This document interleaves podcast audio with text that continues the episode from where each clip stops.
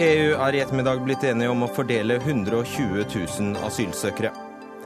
Jyllandsposten-redaktør og Vebjørn Selbekk får Fritt Ords honnør ti år etter Mohammed-karikaturene. Men folkevandringen vi nå ser vil føre til mindre og ikke mer ytringsfrihet, frykter de. FrPs måte å snakke om flyktninger på, søndagsåpent og formuesskattekutt, er begeret snart fullt for KrF? Hvorfor er det greit for en norsk ordførerkandidat å si at Mao Zedong var en stor frigjøringshelt, men veldig ugreit å si at Hitler var flink til å bygge jernbane? Og VG sår vaksinefrykt med saker om bivirkninger, mener blogger. Er dette skremselspropaganda eller nødvendig informasjon, spør vi i Dagsnytt 18.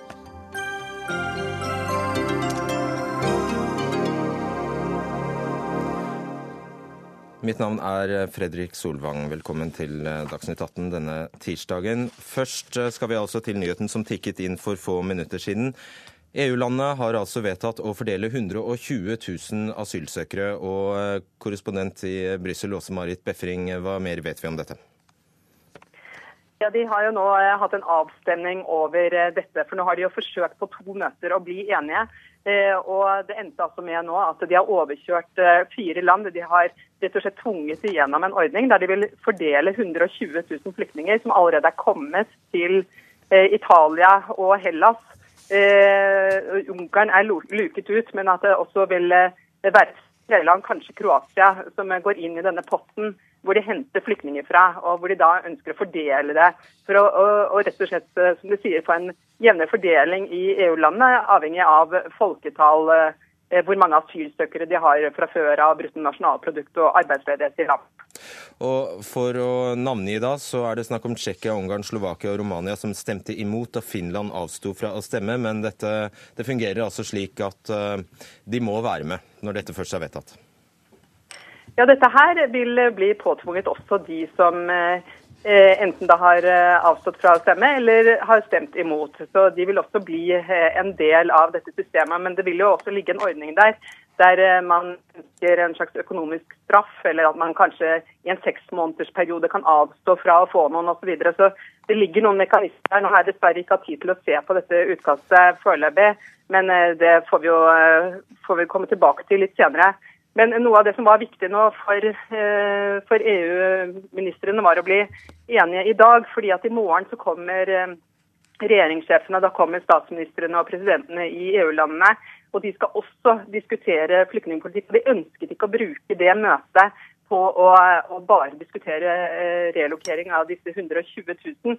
De vil se på de langsiktige linjene, og de ønsker også å diskutere såkalte hotspots, sånne registreringssentre som man vil opprette i de første mottakslandene, pluss hvordan de skal hjelpe og bistå i de landene hvor de fleste flyktningene oppholder seg nå. Åse Marit, bare oppklar én sak. Altså, I juli klarte altså ikke EU å, å, fordele 40 000 flyktninger, som da var innenfor EUs grenser, og de endte opp med 32 000, så det var 8000 som, som gjensto. Inngår disse i dette 120 000-tallet nå? Nei, disse 120 000 det er ytterligere 120 000 utover de, de 2000 som de klarte å bli enige om i, i, sommer. Så dette her vil jo være totalt sett snakk om bortimot 160 000 som de nå skal plassere ut i, i ulike EU-land. Og til slutt, Vår egen justisminister Anders Anundsen var til stede på det samme møtet. Han nektet å si noe om hva hans Norges posisjon var før han gikk inn. Vi, har du snakket med han, eller vet vi noe om hva, Norge, hva, hva dette får å si for Norge? Nei, altså For Norge så er det frivillig om vi ønsker å knytte oss til denne ordningen eller ei. og eh, Anundsen skal holde et innlegg om å legge frem Norges syn på møtet. Eh, og Hva dette er, det vil han først si til eh, EU-ministrene, og så vil han komme tilbake til det når møtet er avsluttet. Ok, Så vi får vite mer utover kvelden. Takk skal du ha, Åse Marit Befring.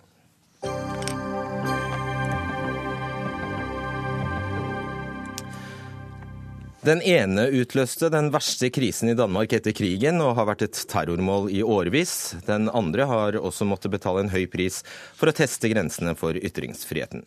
Fritt Ords honnør er tildelt utenriksredaktør i Jyllandsposten, Flemming Rose, og dagen-redaktør eh, Vebjørn Selbekk. Ti år etter trykkingen av Mohammed-karikaturene får de prisen for sitt prinsippfaste forsvar for ytringsfriheten. Er det ikke sånn, eh, Frank Rossavik, du er styremedlem i Fritt Ord? Jo, eh, for oss var det, var det en god anledning nå ved tiårsjubileet, eller tiårsmarkeringen av denne hendelsen i 2005, å gi en velfortjent eh, honnør til eh, to som har stått på for ytringsfriheten i ti år, og som sikkert kommer til å fortsette å gjøre det. Hva er det de har gjort? Flemming Rose publiserte jo et, et antall tegninger av profeten Mohammed for ti år siden. Det var en reaksjon på at, han, eh, at en, en, en, barnebokforfatter slet med å få illustratører til en bok om eh, Muhammed, bl.a.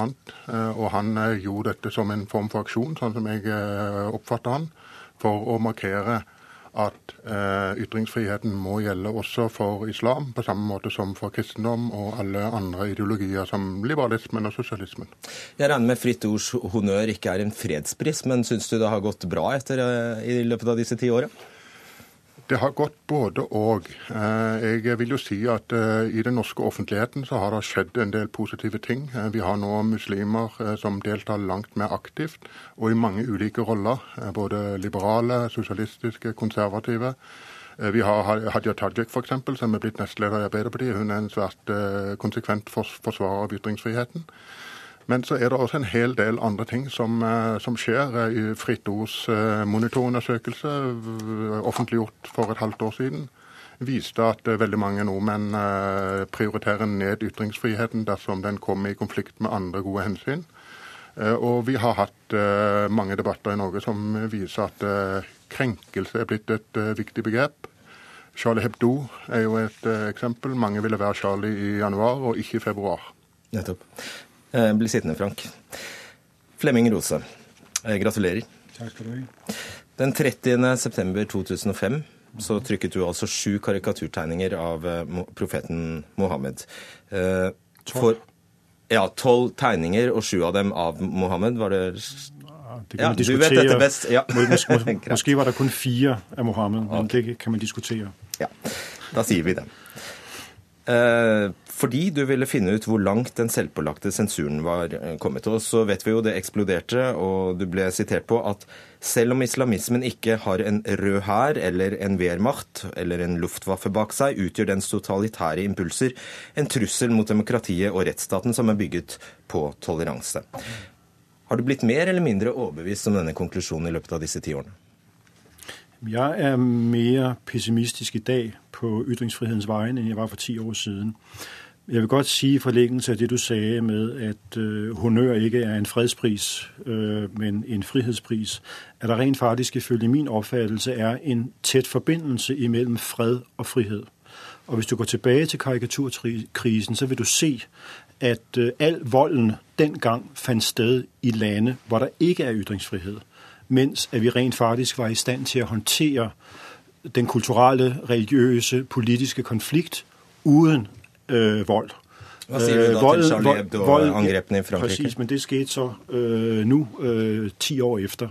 Øh, stadigvæk vil du se, at øh, der har vært betydelig mindre vold i forbindelse med debatten og trykning av Mohammed-tegninger i lande, som nyder en vidtgående ytringsfrihet i forhold til lande, hvor der ikke er hverken ytringsfrihet eller religionsfrihet. Og det er en meget, meget vigtig pointe, og det er jo også noe av det, som var dissidentene bag jerntæppets pointe under den kolde krig, at der er en forbindelse mellom fred og frihed. Øh, som jeg synes at vi er ved å miste i, øh, i Vesten. Så du driver en slags fredskamp i tillegg til en fredskamp? Øh, så kategorisk vil jeg måske ikke sige det, men jeg vil, jeg vil godt forsøge at argumentere for forbindelsen imellem øh, øh, fred og frihed, og at svaret på den udfordring, som det multikulturelle samfund repræsenterer, er ikke at lægge yderligere begrænsninger på ytringsfriheden, men tværtimod at styrke og udvide den, hvis den skal kunne rumme alle stemmer og borgere i et mangfoldigt samfund. Vebjørn Selbekk, redaktør i Dagen, gratulerer. Takk for det. Denne veldig standhaftige og konsekvente holdningen din når det gjelder ytringsfrihet, som du altså får en pris for, hvor, hvor, skriver, hvor langt tilbake skriver den seg fra? Nei, Jeg regner med at vi skal snakke litt om en lederartikkel som jeg skrev i 2004, og som jeg har beklaga Eh, ja, jeg vet ikke. Det må vel begynne å bli tresifra antall ganger nå. Eh, men du kan si eh, det som skjedde Du får jo prisen for årelang innsats, så det er jo ikke unaturlig. Ja, det er vel ti år med karikaturstrid, sier Fritt Ord, og jeg tror vel jeg har holdt min sti ren i hvert fall i de ti, årene. Så er det jo slik at du ble superkjent da du trykket faksimilene av disse karikaturene i 2005. Opplagt spørsmål kanskje, men ville du ha gjort det samme i dag? Ja, Det er jo det, mest, eh, det spørsmålet jeg får flest, flest ganger. og det er et veldig veldig vanskelig spørsmål. Eh, ikke sant? Hva skulle man, skulle man, ha gjort det igjen hvis man hadde visst alt som, som hadde skjedd? Eh, det er jo sikkert et spørsmål som, som, også Rose har tenkt mye på. Mitt svar er at jeg, jeg håper jeg hadde gjort det igjen. For jeg mener det var en riktig journalistisk avgjørelse. Eh, for meg var det eh, egentlig en selvfølge. Vi skrev en artikkel om de danske Muhammed-tegningene og valgte å illustrere dem med den selvsagte eh, illustrasjonen, nemlig en faksimile av de tolv tegningene som saken handler om. Rose, i en kronikk i Aftenposten i dag kalt 'Ytringsfrihet i det 21. århundre', skriver du det er dypt paradoksalt at de mennesker som hyller mangfold når det gjelder kultur, religion og etnisitet, ikke står klare til å akseptere et tilsvarende mangfold for ytringer. Hva mener du? Jeg mener at øh, mange politikeres instinktive reaksjon øh, når de skal håndtere religiøs og kulturell mangfoldighet, det er at legge yderligere begrensninger på ytringsfriheten. Jeg mener tvert imod at det naturlige svar når vi hilser mangfoldighet velkommen når det gjelder religion, etnisitet og kultur, må også være en tilsvarende mangfoldighet af ytringer. Og det indebærer selvfølgelig, at du har sammenstød av forskellige ideer, forskellige religiøse overbevisninger, forskellige måter at det uttrykker seg på. Det, som er, det, som er blasfemi for en borger, kan være poesi for en annen. Det er naturlig når man har forskjellige verdier og forskjellige utgangspunkt. Og de forskjellige oppfattelser skal kunne mødes og konfronteres i det offentlige rom, og ikke skubbes inn under gulvteppet. Kan du gi et konkret eksempel, slik at dette ikke bare blir helt akademisk? Det kan jeg meget godt. Øh, øh, tysk, I Tyskland Tyskland opplever i øyeblikket en, en massiv tilstrømning av asylansøgere fra især øh, Syrien. Øh, I München eller udenfor München, i Bayern, i en lille by, er der et asylsenter med syriske flyktninge. For 14 dager siden sendte øh, skoleledelsen fra et lokalt gymnasium et brev til forældrene, hvor de opfordrede deres døtre til ikke at gå i korte kjoler og i stramme t-shirts, for ikke at skabe misforståelser. Det er et eksempel på, hvordan man begrænser sin egen frihed og den måde, som er naturligt for os at opføre os på. At det at gå i en kort kjole er ikke en invitation til sex, øh, men en, en, en, en ganske naturlig måde at gå klædt på. Det er et eksempel på, at man skal ikke møte møde mangfoldigheden ved å legge begrænsninger på seg selv, men man skal fortsatt insistere på de verdier som har gjort vårt samfunn så attraktive for dem, der kommer der. Og det er bl.a. likhet mellom menn og kvinder. Øh, det er ytrings- og religionsfrihed, forsamlingsfrihed osv.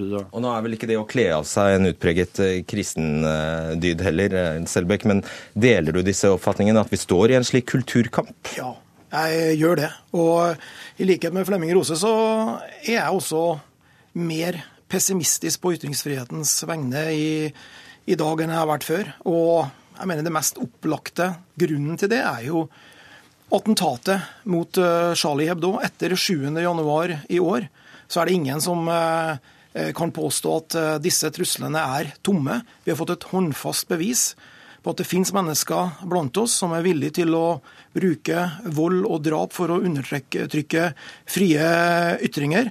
Og eh, det spørsmålet vi må stille oss, er jo eh, hva vil være konsekvensene på lang sikt? I starten så skulle jo alle være Charlie, men hva skjer når demonstrasjonstogene er over, når hverdagen kommer? Vil vi da begynne å innlegge, ilegge oss selv selvsensur?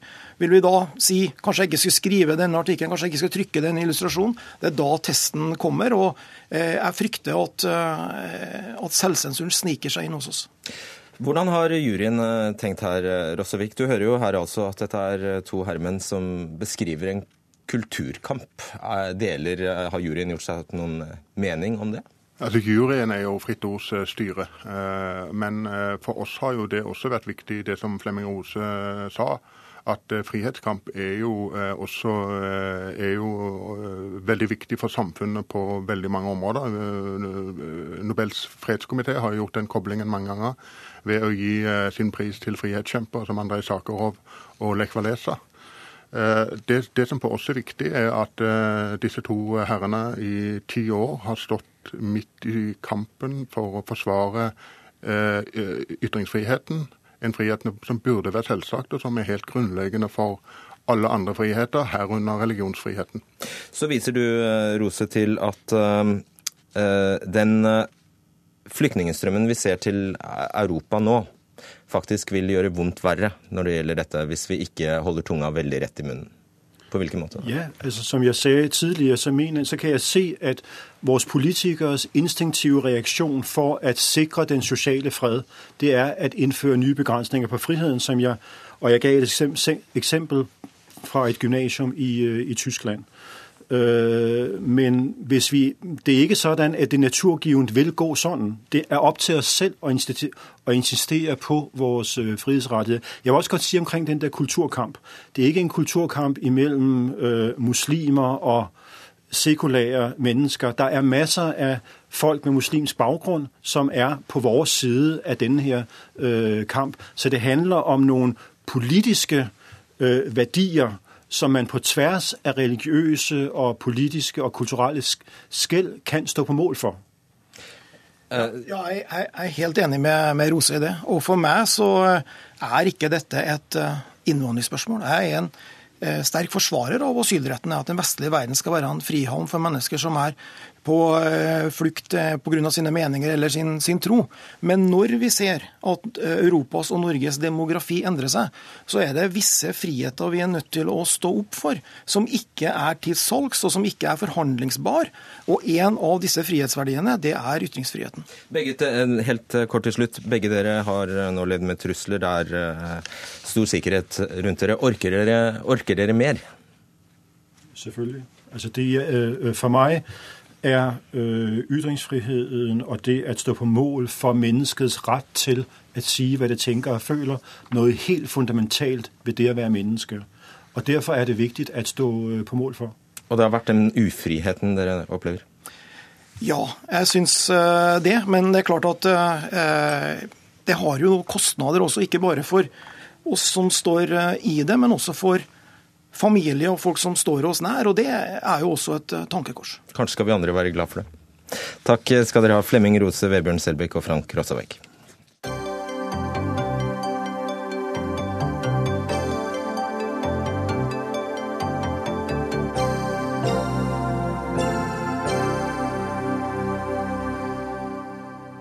Denne morgenen startet med at vi hørte stortingsrepresentant for Kristelig Folkeparti Kjell Ingolf Ropstad snakke på Politisk kvarter i P2 om det som kan oppfattes som et ultimatum til Høyre og statsminister Erna Solberg. En skjebnehøst for borgerlig samarbeid, sa han, og KrFs finanspolitiske talsperson Hans Olav Syversen til Vårt Land. Nestleder i KrF, Dagrun Eriksen. Hvordan har det vært å føre en valgkamp eh, der dere har måttet forsvare regjeringens politikk, og så ende med rekordlave 5,4% Altså, Vi har eh, opplevd valgkampen som både krevende, men også så tror jeg nok at eh, KrF har fått vist at vi på en del sentrale punkter ikke er veldig enige med i hvert fall det ytterst høyrepartiet i regjeringen, med Frp. Og om det er en av årsakene til at vi er det av partiene som kom greiest ut av det, hvis en kan kalle det det, eh, med en minus 0,1, som ikke kan ses på som en sånn kjempenedgang. Det vet jeg ikke, men det, jeg tror det har synliggjort for mange velgere at det er en stor politisk avstand, og at det understreker det som vi i partiet var opptatt av når vi snakka opp før forrige valg, at det er en stor politisk avstand mellom KrF og Frp og tanken på at vi skulle ha sittet i regjering sammen. Jeg tror folk har fått det bekrefta, at det eh, er nok en vanskelig sits. Og Hva har irritert aller mest? Hva sier de der ute? Altså, om de har irritert? Jeg tror at søndagsåpne butikker har vært en av de eh, sakene som, eh, som har handla om valget, som har frustrert folk. Og så tror jeg vi har hatt den overordna saken som for meg ikke har vært noen valgkampsak, men saken om flyktninger. Eh, der har det vært gjentatte eh, utspill fra flere sentrale Fremskrittspartifolk som viser at vi står veldig langt fra hverandre, og kanskje helt motsatt i det norske politiske landskapet når det gjelder disse sakene. Og du må ha fulgt elendig med hvis du ikke visste det før dere inngikk dette samarbeidet i 2013. Dere har altså satt inn Norges mest restriktive innvandringskritiske parti i regjering. Og det var jo derfor vi også hadde en helt egen avtale på asylfeltet, fordi vi visste at her kom det til å bli problematisk. Og så vet vi også at selv om de er de mest restriktive, så var ikke akkurat Arbeiderpartiet, særlig når det gjaldt asylbarnsaken, lett å ha med å gjøre. Vi sleit, jeg husker jeg sa det i flere debatter med Lønseth hvor jeg kunne ha ja, hvor jeg var ganske engasjert, for å si det på sørlandsk, eh, på ikke å se den utrolig vanskelige situasjonen som mange barn er, som har bodd her lenge. Og nå når vi ser denne flyktningen, så håpte vi Vi så jo at Arbeiderpartiet i starten som var veldig med oss på laget på dette. Når vi nå har prøvd å presse mot EU og hvordan Norge skal oppføre seg det, så har jo Ap nok en gang med Jonas Gahr Støre eh, gått ut bakveien. Så det var, dette var jo ikke en av de sakene som absolutt var lettest å få gjennom med Ap heller. Eh, men at det skulle bli så krevende, og at Fremskrittspartiet midt i den nøden vi ser, skulle komme med alle de uttalelsene, det tror jeg har eh, hvert fall forsterka eh, følelsene veldig mange lokale KrF-ere har overfor Frp. Og Siden du nevner eh, dette med barn. Eh, I dag skriver altså Aftenposten at, at UNE så langt har behandlet 15 saker med lengeværende asylbarn som fikk saken sin prøvd på ny. Eh, etter at dere bl.a. krevde det. Mm. Elleve mm. av disse familiene har fått avslag, fire får komme tilbake. Og to av de fire familiene de får ikke permanent opphold om å bo på asylmottak på ubestemt tid. Og dette må vel sies å være det motsatte av eh, en varig løsning, vel? Ja, og de, disse kommer ikke under den varige løsningen. Disse kommer under den engangsløsningen som vi skulle få til for at de skulle få lov til å bli. Eh, og Jeg har lest disse tallene nøye, og jeg kjenner at eh, nok en gang så ser man at man tolker regelverket mye, altså i strengest mulig retning.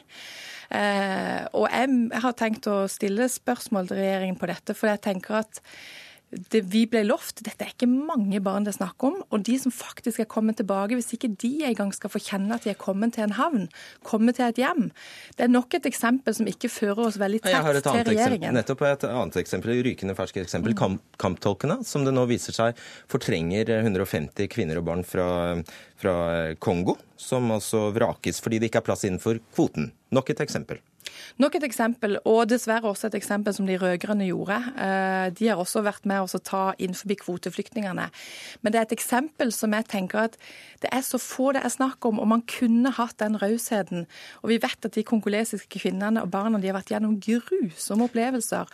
Og selv om kamptolkene vi har et ansvar for dem, så er det noe med Går det an å være litt mer raus i møte med dette? Det har vært vårt ønske, og kanskje, vi ser at ikke vi får det til med, med Frp. Men med all respekt, begge disse to sakene, eller begge disse sakene viser jo at dere er ikke, dere er ikke påpasselige nok når dere skriver avtaler.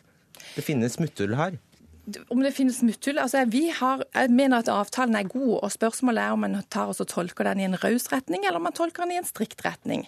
Og Det vil alltid være skjønn. og Vi har ikke sagt at alle barn skal få bli, det skal gjøres vurderinger av det. Men mitt spørsmål er hva er det UD og UNE legger, legger vekt på? Og Vi har sett flere ganger at selv ting vi har vært helt eksplisitte med i avtalen, ser UNE bort ifra når de gjør vedtakene. F.eks. på at vi har sagt at barns alder ikke skal ha noe å si, så ser vi vedtak hvor de har lagt vekt på barns alder. Sånn at her må det gjøres, og det er jo litt av utfordringen. Og så skyver man litt UNE og UDI foran seg. Det er statsråden som sitter med ansvar for dette, det er justisministeren som sitter med ansvar for forvaltningen, og vi er ikke fornøyd med hvordan dette har blitt utøvd. Så til søndagsåpne butikker. Altså, eh, skal man tolke, det, skal man tolke uttalelsene nå dit hen at dere sier at hvis regjeringen sammen med Venstre trumfer dette igjennom, så er ikke dere med lenger. Er det sånn vi skal tolke det? Vi har ikke satt noe ultimatum. Det som disse to, uh, Ropstad og Syversen, har vært ute, det tror jeg er en stor frustrasjon på at nå skal vi til med en stor diskusjon på hva som skjer fram mot 2017. Det skal vi ha en åpen og god diskusjon i partiet på. Men de sin bønn har vært ikke gi oss nå en høst hvor de slenger søndagsåpne butikker på bordet. De kommer med et vanskelig budsjett hvis Frp nå tenker at nå skal de få enda mer tydelig gjennomslag på saker hvor de står langt vekke fra oss. Så er ikke det en god hilsen å sende inn i den samarbeidsprosessen og diskusjonen som KrF skal inn i, og som vi skal ta veldig på alvor. Og det er nok en ikke så klar melding til Fremskrittspartiet, men det er nok en klar melding til Erna. Eh, vi håper på en, eh, en budsjetthøst som gir oss gode resultater det viktigste for oss er å få gjennomslag for politikk, men vi skal også inn i en diskusjon om hvor vi skal legge oss fram mot 2017. Og det er nok det alvoret som Syversen og Ropstad har lagt inn over eh, høstens forhandlinger. Ok, og Da glemmer du ikke at KrF lot regjeringspartiene ta støyten for upopulære saker som reservasjonsretten og K-en i KRL, vel? Vi har stått sammen med også de upopulære sakene sammen med regjeringen. Dette er saker som de vet absolutt hvor vi står hen det norske folket er sammen med oss i Søndagsåpne. Og vi har vært konstruktive i alle statsbudsjett. Så der kan de ikke komme lettvinte motargumenter mot oss. Ok, Får håpe de hørte det. Takk skal du ha, Dagrun Eriksen. Og da har vi med oss Marie Simonsen, politisk kommentator i Dagbladet, og eh, Berit Aalborg, politisk kommentator i Vårt Land. Eh, Marie, eh, er det faktisk slik, kan man dokumentere det, at KrF er i ferd med å bevege seg mot venstre? Eh, det gjør det i hvert fall ifølge en eh, måling som en undersøkelse som Dagbladet gjorde rett før sommeren, hvor, hvor vi har målt eh, holdningen blant de tillitsvalgte til samarbeid til høyre eller venstre. Og mens det rett etter regjeringsskiftet var veldig positivt til det borgerlige samarbeidet, så er det nå faktisk et flertall som vil at de heller skal samarbeide til venstre. Så, så her er det en bevegelse, og det er nok det både Syversen og Ropstad ser at det er, er, stor frustrasjon i partiet, og at det øker sannsynligheten for at, for at KrF kanskje vil snu. Hvordan tolker du det Eriksen nå sier, da? Det er, jo, det er jo en litt Hun eh, demper det litt ned og prøver å ufarliggjøre det. Og jeg jeg tenker jo at, eh, at, KrF har et lite problem med å stille sånne ultimatum, men det er aldri så veldig lurt hvis man ikke er villig til å sette makt bak det. Og KrF, Forholdet mellom KrF og Frp har jo bare gått fra vondt til verre det siste året særlig. Og eh, også partilederen har flere ganger vært ute. Han satt i dette studioet og sa 'nok er nok' osv. Og, så og før eller siden så vil nok kanskje velgerne også spørre hva er når blir det noe, tar de noen konsekvenser av det de sier? Eh, Berit Aalborg, eh, det er vel, hvis vi bare tar det med søndagsåpne butikker og, og tar for god fisk at Venstre og regjeringspartiene faktisk nå sitter og forhandler om dette, så har jo KrF hatt all verdens mulighet til å stanse dette lenge før det kom så langt. Eh, viser ikke det noe opp, om, av oppriktigheten i den motstanden? Jo, altså De kunne ha stått hardere på det når det blei forhandla når de inngikk denne avtalen. Og jeg tror nok at KrF ikke helt også forsto hvor stor del av befolkningen som, som var enig med dem. Uh, så, så, jeg tror nok at de kunne stått hardere på. så de har funnet seg en ny rusbrussak? Liksom? Ja, det kan du på en måte si. Men jeg, jeg, tror nok at de har forstått at de har befolkningen med seg, og at de så å si også har sett at internt i partiet, på grasrota i partiet, har det vært et voldsomt uh, sinne over at man ikke har flertall på denne saken, og at uh, partiorganisasjonen i seg sjøl har på en måte våkna opp litt. Og da har de politikerne som sitter sentralt, fulgt opp det. Det er sånn som i hvert fall jeg leser det.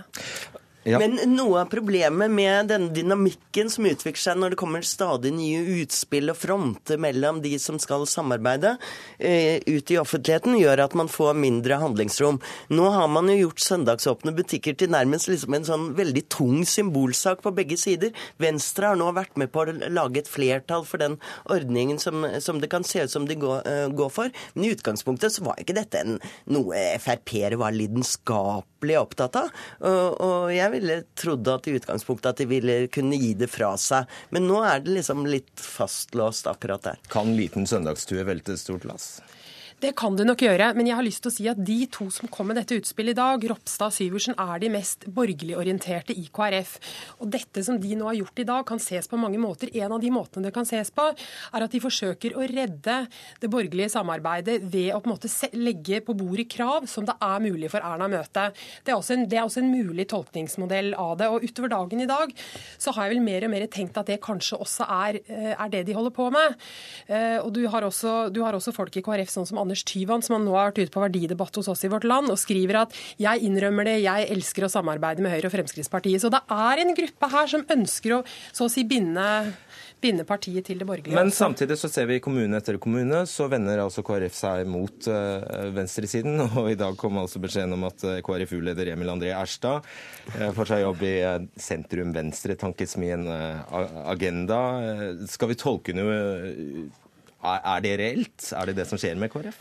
Altså, eh, jeg tror at samarbeidet med Fremskrittspartiet har ført veldig mange, særlig yngre KrF-politikere, at de har sett at det er veldig krevende, og at det er et veldig stort sprik mellom Fremskrittspartiet og KrF. Sånn at jeg tror det er Man kan si at deler av KrF er absolutt mye mer åpen for Arbeiderpartisamarbeid enn de var før. Og tidligere var ikke det liksom noe man sa i KrF, men nå er det flere og flere som faktisk sier det. Men så er jo også problemet at uh, frustrasjonen er minst like stor i Frp. Mm. Eh, altså De er jo frustrert over at KrF skal få så stort gjennomslag hele tiden og stille disse ultimatumene til dem og karakterisere deres politikk på den og den måten. For det er jo tross alt de som sitter i regjering, mener de. Så, så dermed så blir jo frontene veldig harde, og Erna Solberg blir sittende i en skvis midt imellom. Og da har vi en, jeg må bare bringe inn eh, jokeren Per Sandberg, som da altså sier at han har mer lyst til å være statsråd nå enn han hadde tidligere. Han er altså lansert som innenriksminister. Og du Berit, du sier faktisk at det er ikke sikkert det er en så dum idé? Nei, Jeg tror at det kan være ryddig å få han inn, fordi det har vært veldig mye turbulens eh, rundt Per Sandberg. Og han har jo så å si hatt en dobbeltrolle. På den ene sida har han vært nestleder i partiet og skulle forsvare regjeringsprosjektet, og på den andre sida så har han fremstått som en slags katalysator og en uh, uformell opposisjonsleder. Så jeg tror det vil være lurt både for Siv eh, Jensen og Erna Solberg å få han inn. Jeg tror det kan være en ganske smart trekk. Det er, det er mange regjeringer som har gjort den øvelsen der. Det er bedre å få dem inn i teltet enn å la dem stå utenfor. Eh, men det viser seg ikke alltid å være så heldig. Med noen eh, bråkmakere blir jo ikke, stilner jo ikke straks de kommer inn i de sorte bilene. Eh, og noe av eh, regjeringsslitasjen for Frp er jo at de er blitt for normalisert og striglete, og at de ikke lenger gjør, gjør opprøret er gjenkjennelig på den måten. Så hvis også Per Sandberg eventuelt stilner, så blir det jo kanskje eh, Syns velgerne dette blir veldig tamt. Men nå må Erna gi Siv noen blanke seire etter det elendige valget Frp det er, det er i hvert fall det Frp har gitt klar beskjed om, men, men eh, jeg vil si at det er en overraskende sterk oppslutning om regjerings, eh, regjeringsprosjektet blant eh, FrPs fylkesledere, og nå også Per Sandberg. Si Vi hadde jo en sjekkrunde i vårt land på, på alle fylkeslederne i Fremskrittspartiet. Vi snakka med 15 av de, og de var veldig positive til hva Fremskrittspartiet faktisk hadde fått gjennomslag for. Jeg nevnte særlig eh, samferdsel som et, god, som, som et område de vant på. Men så har jeg også lyst til å si at når det gjelder innenriksministeren, så tror jeg ikke at For det er jo egentlig Jan Tore Sanner som er kommunalminister. Han er jo egentlig egentlig innenriksminister. Så jeg tror det blir vanskelig å få til akkurat den rollen Per Sandberg vil ha. Men hvis Erna Solberg vil ta han inn, så kan hun finne en eller annen form for ministerpost der han jeg, jeg, tror kan fungere. At, jeg tror egentlig Per Sandberg fant på denne innenriksministerposten, for han vet at det kommer ikke Erna Solberg til å opprette. Antall statsråder? De skulle kutte antall statsråder, så den, den posten kommer ikke til å bli eh, opprettet. Men eh, Per Sandberg får signalisert at han er interessert i å være statsråd og er er eh, glad for dette regjeringsprosjektet, og det er viktig nok. Per Sandberg vil ikke være med her i kveld. Takk skal dere ha, Marie Simonsen og Berit Aalborg.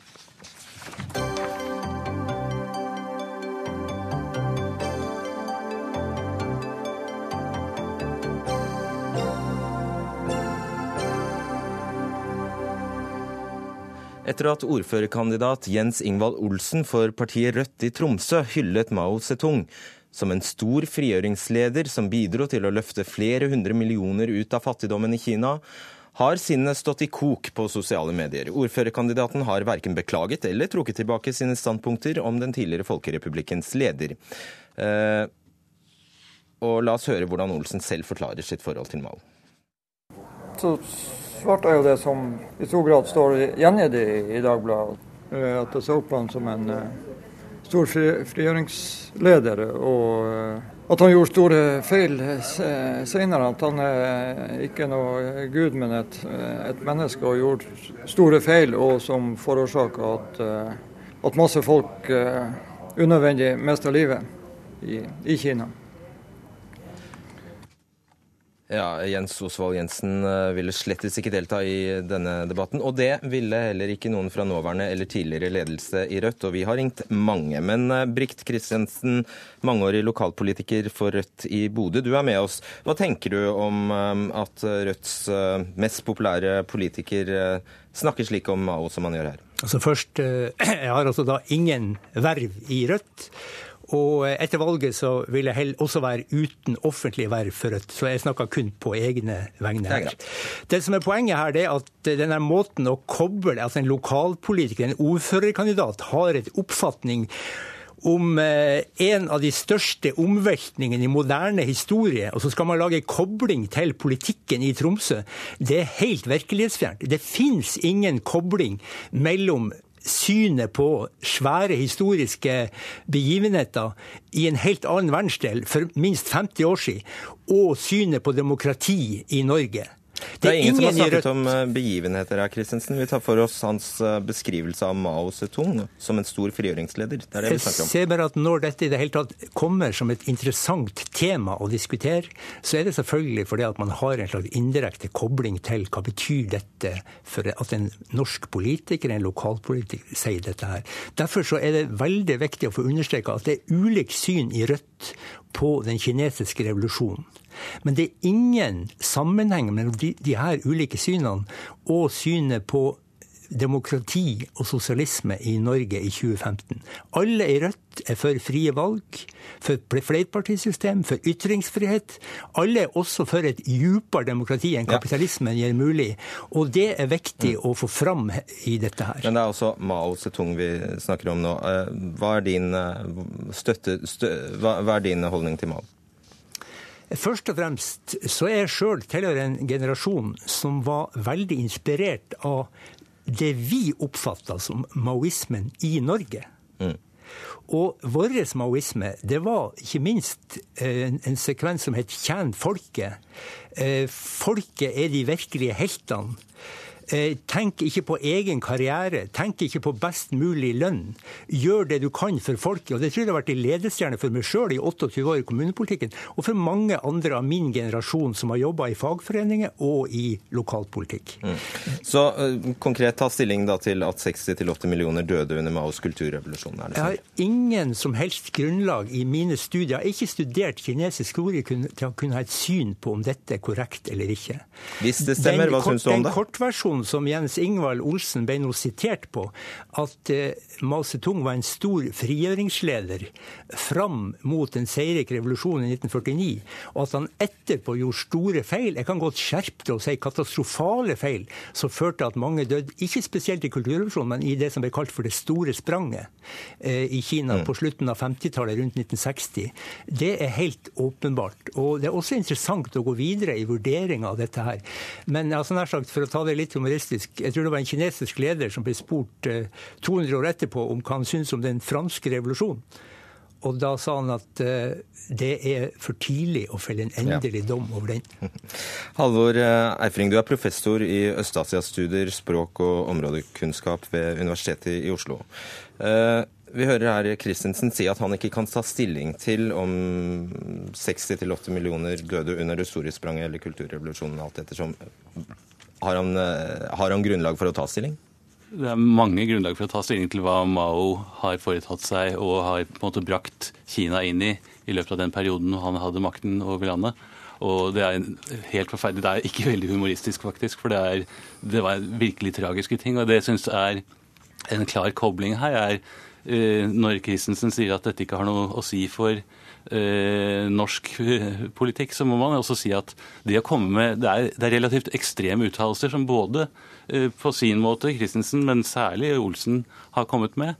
Og som da bringes inn i norsk politikk og norsk politisk liv på en måte som minner mer om den typen ekstrempolitikk som vi er vant til å forbinde med Donald Trump og andre eh, politiske Hva er det som er ekstremt? Er det ekstremt å si at Mao Zedong var en stor frigjøringsleder? Det er ekstremt å si at Mao var en stor frigjøringsleder. Det er mer ekstremt å si at han eh, gjorde noen store feil, og brakte, at han skulle ha brakt flere hundre millioner ut av fattigdom, er rett og slett konkret galt. Han holdt mange hundre millioner tilbake i fattigdom helt til han selv eh, eh, gikk av med, med døden, og endelig det var mulig for Kina å langsomt komme på økonomisk på bane igjen. Kristensen, hva sier du til dette? Nei, jeg må bare si at jeg har ikke noe veldig klar oppfatning av det som Eifring sa nå. Eh, Det som jeg har en klar oppfatning av, det er at eh, eh, selve frigjøringskampen at den brakte Kina et langt steg framover, hvis man tar utgangspunkt i det Kina som var der på 1910-20-tallet, der unger ble solgt på gata av foreldrene sine, og over til det, Kina som du fikk på 50-tallet. Jeg tror faktisk at dette var på det tidspunktet var et stort historisk framsteg. Og at man da Ja, fikk mange det, folk ja. ut av den direkte, den verste fattigdommen. Det tror jeg faktisk jeg, jeg mener. Men det kan selvfølgelig hende at studier vil vise at dette stemmer ikke, og at eh, folk fikk det verre etter den kinesiske revolusjonen. Da er det jo litt rart at faktisk det der kommunistpartiet, som er i dag overhodet ikke har tro på, at de likevel har hatt en viss tillit i det kinesiske folket. Det var mange ting som, var, eh, som man kunne reagere på i det førrevolusjonære Kina.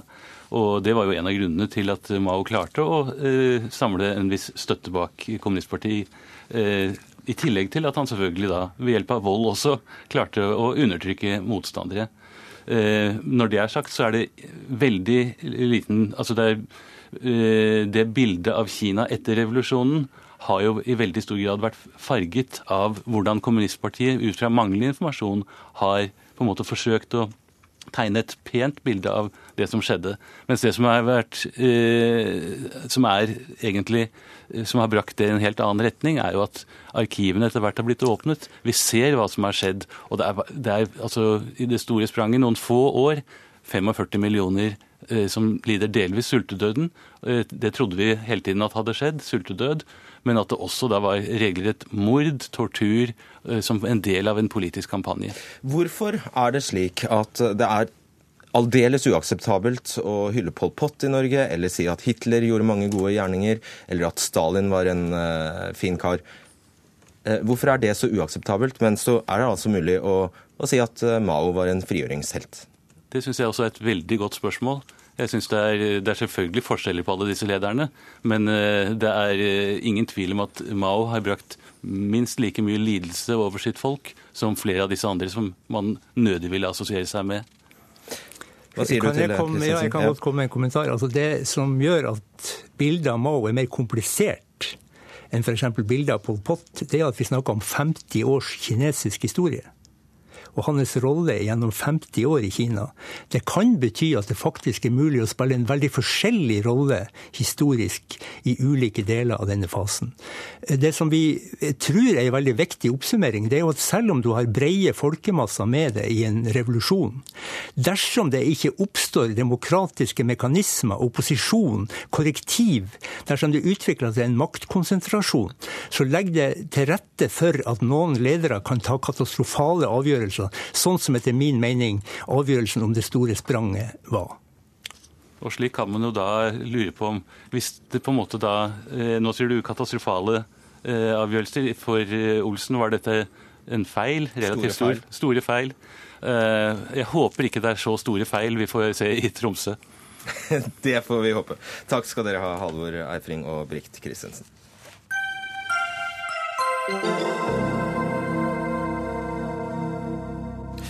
Og da skal vi tilbake til eh, enigheten i EU om å fordele asylsøkere som befinner seg i Europa. Og da er det slik at Norge er beredt til å delta i EUs program. Er det ikke sånn, justisminister Anders Anundsen med oss på telefon?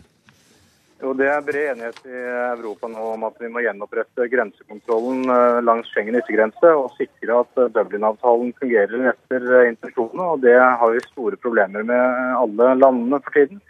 Og Det er veldig krevende. og Som en del av det arbeidet så har en også blitt enige om denne relokaliseringsmekanismen for å avlaste de områdene som nå er mest belastet, slik at de kan gjenopprette eh, sine forpliktelser og gjenoppta det arbeidet de må gjøre for å også har som intensjon å delta i eh, dette arbeidet. Ja, Litt sprakete linje på deg, men vi prøver. Eh, hvor mange skal Norge ta? Nei, Det er ikke mulig å svare på i dag. Det er 120 eh, 000 som skal relokaliseres maksimalt i dette programmet. Vi har sagt at vi har til intensjon å delta, men det foreligger ikke noen tall på hvordan disse diskusjonene skal gå videre. Norge må nå gå i dialog med Eh, de aktuelle landene for å se hvordan dette kan løses, og hvordan Norge best kan bidra samlet Og Det som da er klart, er at det, disse 120 000 asylsøkerne de får kun da en rett til å få sak, sakene sine prøvd i de forskjellige landene. Ja, Dette blir en fordeling av saksbehandling uh, rundt omkring i uh, Europa. og det er for å avlaste de veldig overbelasta systemene i særlig Hellas og Italia. Eh, og En kombinerer da dette med økt grensekontroll og, noe, og det en kaller for hotspots, som skal sikre at en har en raskere retur av de som ikke har eh, og håndtere den situasjonen som er særlig i Hellas eh, og Italia. Ok, Andersen, du får komme deg hjem så vi får litt bedre lyd på deg. Takk skal du ha, justisminister Andersen.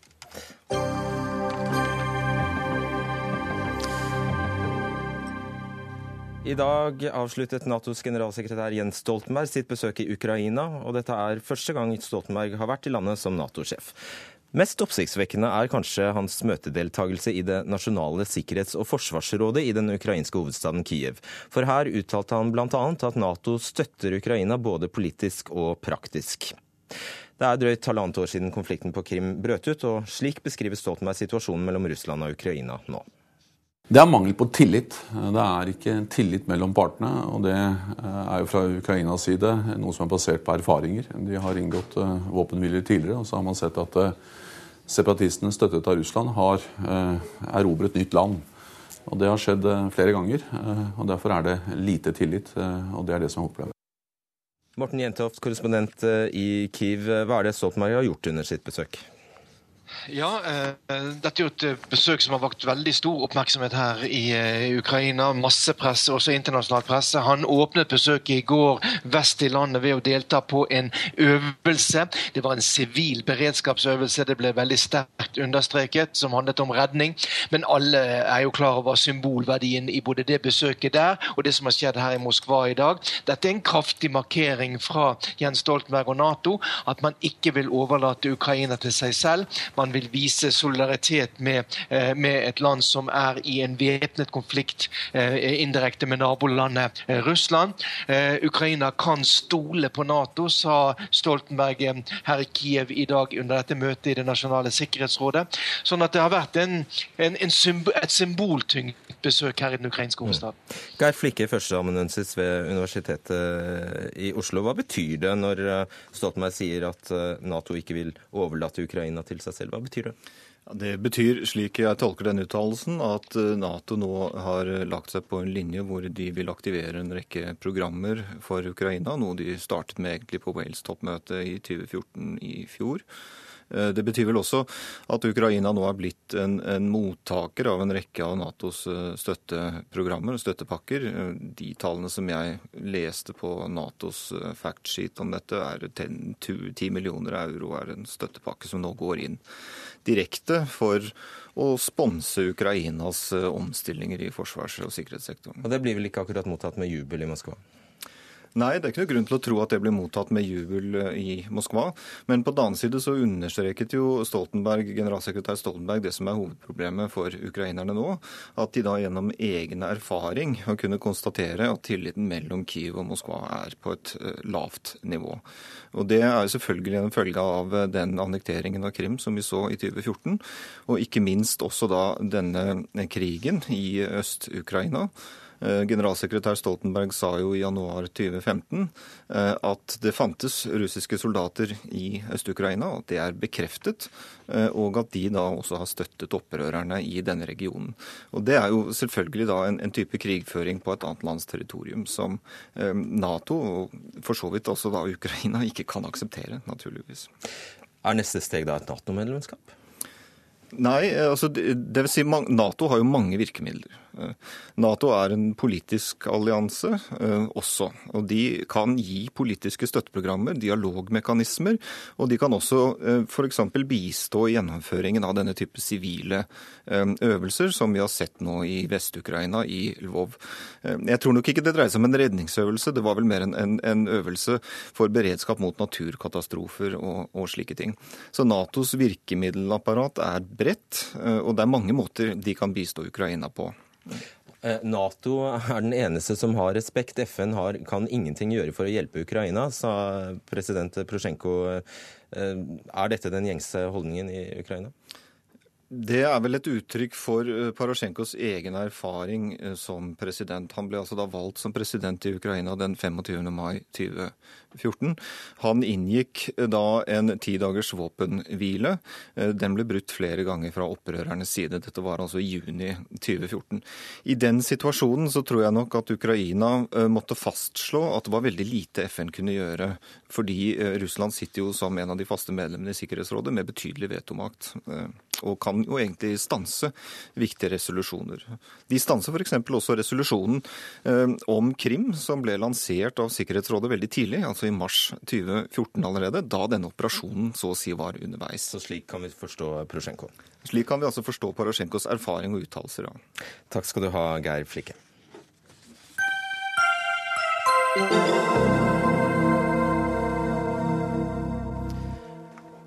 I gårsdagens VG kunne vi lese om en 18 år gammel jente som etter å ha mottatt HPV-vaksinen mot livmorhalskreft fikk diagnosen POTS. Jeg skal ikke prøve meg på å uttale hva det egentlig står for. Eh, sykdommen har bl.a. gjort at hun ikke kan gå på skolen og besvimer opptil flere ganger om dagen. Og På eh, forsiden av VG sto spørsmålet har HPV-vaksinen skylden for Marias sykdomsspørsmålstegn. Og det fikk deg til å reagere, Gunnar Tjomli, du er eh, ja, blogger og forfatter. Hvorfor det? Fordi at sånne oppslag har helt konkrete negative konsekvenser for folkehelse. Hvis vi skal være veldig konkret, tenk, nå er det ca. 80% av norske jenter som er vaksinert mot HPV. Hvis det synker til 70% altså hvis 10 velger å ikke vaksinere seg, så vil det medføre et sted framme i løypa 20 ekstra, dødsfall, eller 20 ekstra krefttilfeller i året og 6-7 ekstra dødsfall av norske jenter. Helt unødvendig fordi de er blitt skremt. Litt... Og, og, og blir de skremt? Ja, se på kommentarfeltet til VG. I kommentarfeltet til VG kan du lese mange som skriver at nå er de bekymra. Nå er de veldig usikre på om de faktisk ønsker å vaksinere sin datter likevel. Og det kan du konvertere, basert på harde fakta og hard statistikk, til reelle dødsfall i framtida. Og derfor er du for litt god gammeldags pressesensur? Absolutt ikke. Dette skal du skrive om. Det er viktig med åpenhet. Det er viktig at for å bevare en tillit til helsemyndighetene, så må en skrive om dette. Men det handler om formen når du, når du slår det opp på forsida over en rekke avisforsider og, og, bruker denne her bekymra mor med et sykt barn, så det er klart at det appellerer veldig sterkt til følelser. Og det vet jo VG og Torry veldig veldig godt. Det er derfor de gjør det. Hadde de ikke visst at dette treffer rett hjem, så hadde de ikke brukt den formen. Og det er altså ett tilfelle i løpet av seks år. Er det vaksinert 160 000 jenter, og så er det ett tilfelle som ikke engang er bekrefta, trenger ikke ha noen ting med vaksinen å gjøre men det er hypotetisk sett kanskje en sammenheng. Torry Pedersen, eh, ansvarlig redaktør i VG. Ett tilfelle av 150 000 vaksinerte. Det er greit å være tabloid, men eh, ja, To ting her, da. Eh, denne moren som har hatt en, et, en datter hjemme i fire år, hun skal altså ikke ikke få lov å stille det spørsmålet som europeiske helsemyndigheter nå undersøker på basis av rapporter fra Sunnhetsstyrelsen i Danmark. Er det en sammenheng, eller er det ikke? Og Der har Tjomli helt rett. Det er ikke påvist. Det er det vi skal prøve å finne ut av. Norge har ikke engang en diagnosekoding eh, for POTS. Så på helsemyndighetenes egne sider så sier de at nå skal de prøve å samle inn data for å se om det kan være større forekomster. Det arbeidet pågår. Så eh, poenget er at moren må kunne få lov å stille det spørsmålet. Poenget med journalistikk er å etablere hypoteser som man skal prøve å etterprøve. Man skal slippe til alternative stemmer, og man skal skape en offentlig debatt. Det er derfor vi sitter her nå. Det er jo vanskelig å være uenig i dette. Jo, men altså, Det at mora får lov å stille spørsmål, det betyr ikke at hun trenger å stille det på forsida av VG når det er så hypotetisk som det Så på side 16 hadde vært greit, men ikke på forsida? Jeg mener at det VG kunne gjort, de kunne hatt en nøktern eh, oppslag der de skriver om ja, det er iverksatt en gransking og hvorfor det er tilfellet, men vært veldig tydelige på at det fortsatt er en overveldende eh, fordel å vaksinere seg, selv om disse POTS-tilfellene skulle bli bekreftet. Vi har vært veldig nøye på å i hver eneste sak å skrive at hel norske helsemyndigheter fortsatt anbefaler at man skal ta vaksinen.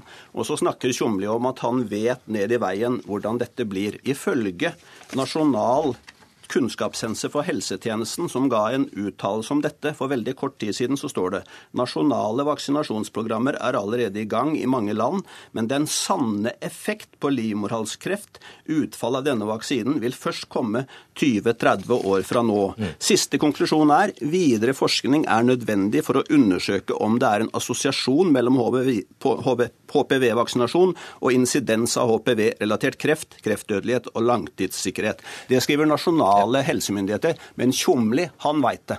Og Margrethe Greve Isdal, du er lege ved avdeling for eh, vaksiner i Folkehelseinstituttet. Det er jo dette pressen skal drive med. Ja, de skal drive med det, men de skal, de skal, ikke skape uro. For foreldre vil det beste for sine barn, det tror jeg. Og hvis vi trekker forhastede slutninger i forhold til hva som kan være årsaken til at eh, Eller om denne vaksinen egentlig gir denne sykdommen, så risikerer vi at om 20 år så sitter vi og skal forklare de samme jentene, når de har fått livmorhalskreft, at vi valgte å ikke gi vaksinen pga. noe som var helt ubegrunnet. Eller at du forsker altfor lite. Nei, det vil jeg ikke si at vi gjør. fordi det, det, er et par ting jeg vil gjerne kommentere i forhold til VG. Norge har ikke denne diagnosen, sier du. Det er kun Danmark som opererer med denne diagnosen. Så internasjonalt så må vi se bredere, og det er det vi gjør. Vi ser bredere, vi ser på flere sykdommer, vi ser på symptombildet, og ikke bare på denne ene sykdommen. Og vi ser på om det kan være flere årsaker til det. Vi kjenner godt til POTS-sykdommen. Den har eksistert siden 1993, og det finnes mange kjente årsaker. Det jeg ser for meg, at det er mange av disse jentene som kanskje får sånn sten på sten sten, at de har mange forskjellige årsaker som gjør at de kan få en sykdom. Om vaksine er en av de stedene, det vet vi ikke ennå. Og da kan vi ikke la være å råde til å gi en vaksine som vi vet beskytter mot en alvorlig sykdom, som kan gi dem kreftsykdom og død senere. Kan du i det minste erkjenne at det kan spre frykt, dette? Uh jeg mener at det viktige er å gi eh, foreldre mulighet til å ta informerte valg. Og da står det i pasienthelseopplysningsloven eh, at man skal informeres om mulige risikoer og bivirkninger. Og jeg understreker, mine medarbeidertanter har helt rett. Det er ikke påvist, det er kun mulige. Men det skal man opplyse om. Og da er jeg fascinert av at Folkehelseinstituttet har oppdatert sin hjemmeside fire ganger med svært utfyllende informasjon etter etter at VG tok tak i saken. Det burde skjedd på eget initiativ, men det er bra at de, følger, eh, at de har en årvåken presse som hjelper de med å gi informasjon som gjør at folk kan ta informerte valg. Vi skal gi dem muligheten til å ta informerte valg, men da må vi også gi dem riktig informasjon. Vi kan ikke trekke forhastede slutninger på noe som er på bakgrunn. Vi tar dette signalet veldig alvorlig, det må jeg si. Vi følger veldig nøye med. Vi har gått gjennom alle våre saker. Dette gjorde vi lenge før VG var på saken. I 2013 begynte vi med dette. Det var lenge før VG i det hele tatt tenkte på denne saken, for det var første gang i april 2015. Okay. Så dette har vi vært på lenge. Kjomli, det ligger jo, Kjomli, det ligger jo en slags undervurdering av uh, VGs lesere, da, hvis du tror at de ikke greier å se forbi uh, overskriften? Ja, dette burde jo egentlig VG vite, at folk flest dessverre har jo ikke den kunnskapen om vaksine og risiko. Det kan vi ikke forvente at folk har. Det er veldig få som har den nerdete fascinasjonen som jeg kanskje har til å faktisk lese disse rapportene og studiene og sette meg inn i det. Men vi kan se til andre land. Vi har sett tilsvarende i Japan. På 70-tallet ble det skapt frykt rundt kikhostevaksinen. Folk slutta å vaksinere, vaksinedekningen sank, og det medførte nesten 30, nei, 93 dødsfall i de to påfølgende årene. Vi skal ikke lenger tilbake enn slutten av 90-tallet, så er vi Wakefield-skandalen, altså som spredde ideer om at MMR-vaksinen kunne gi autisme, som hadde dramatiske effekter på samfunnet. Og hvem var det som primært sto bak det? Jo, det var media. Mm. For de spredde denne frykten hos foreldre. Og media gjorde en fantastisk jobb når de avslørte talidomideskandalen og Vioxx-skandalen uten sammenligning for øvrig i denne sammenheng, men det er altså også en del av det totale bildet. VG er ikke mot vaksinasjon. Vi har aldri uttalt oss om at jenter ikke skal ta denne vaksinen. Vi er opptatt av at folk skal ta informerte valg. Gjennomsnittsalderen for å få livmorhalskreft i Norge er 52 år. Siste ord for du, Folke. Ja, flott. Fordi det vil si at det som er hele poenget med denne sykdommen, er at du får en infeksjon i tidlig alder. Tidlig seksualdebut. Altså ikke tidlig seksualdebut, men ved seksualdebut så utsettes du for smitte. Og så tar det 20 år før du utvikler sykdommen. Så du må vaksinere dem før de blir så gamle. Og Derfor så er denne vaksinen utrolig god for å beskytte jenter mot en alvorlig sykdom. Og det må vi stå ved. Vi lar det være siste ord. Takk skal dere ha, Margrethe Greve Isdal, Gunnar Tjomli og Torry Pedersen. Ansvarlig for denne sendingen var Dag Dørum, teknisk ansvarlig Finn Lie, og i studio Fredrik Solvang.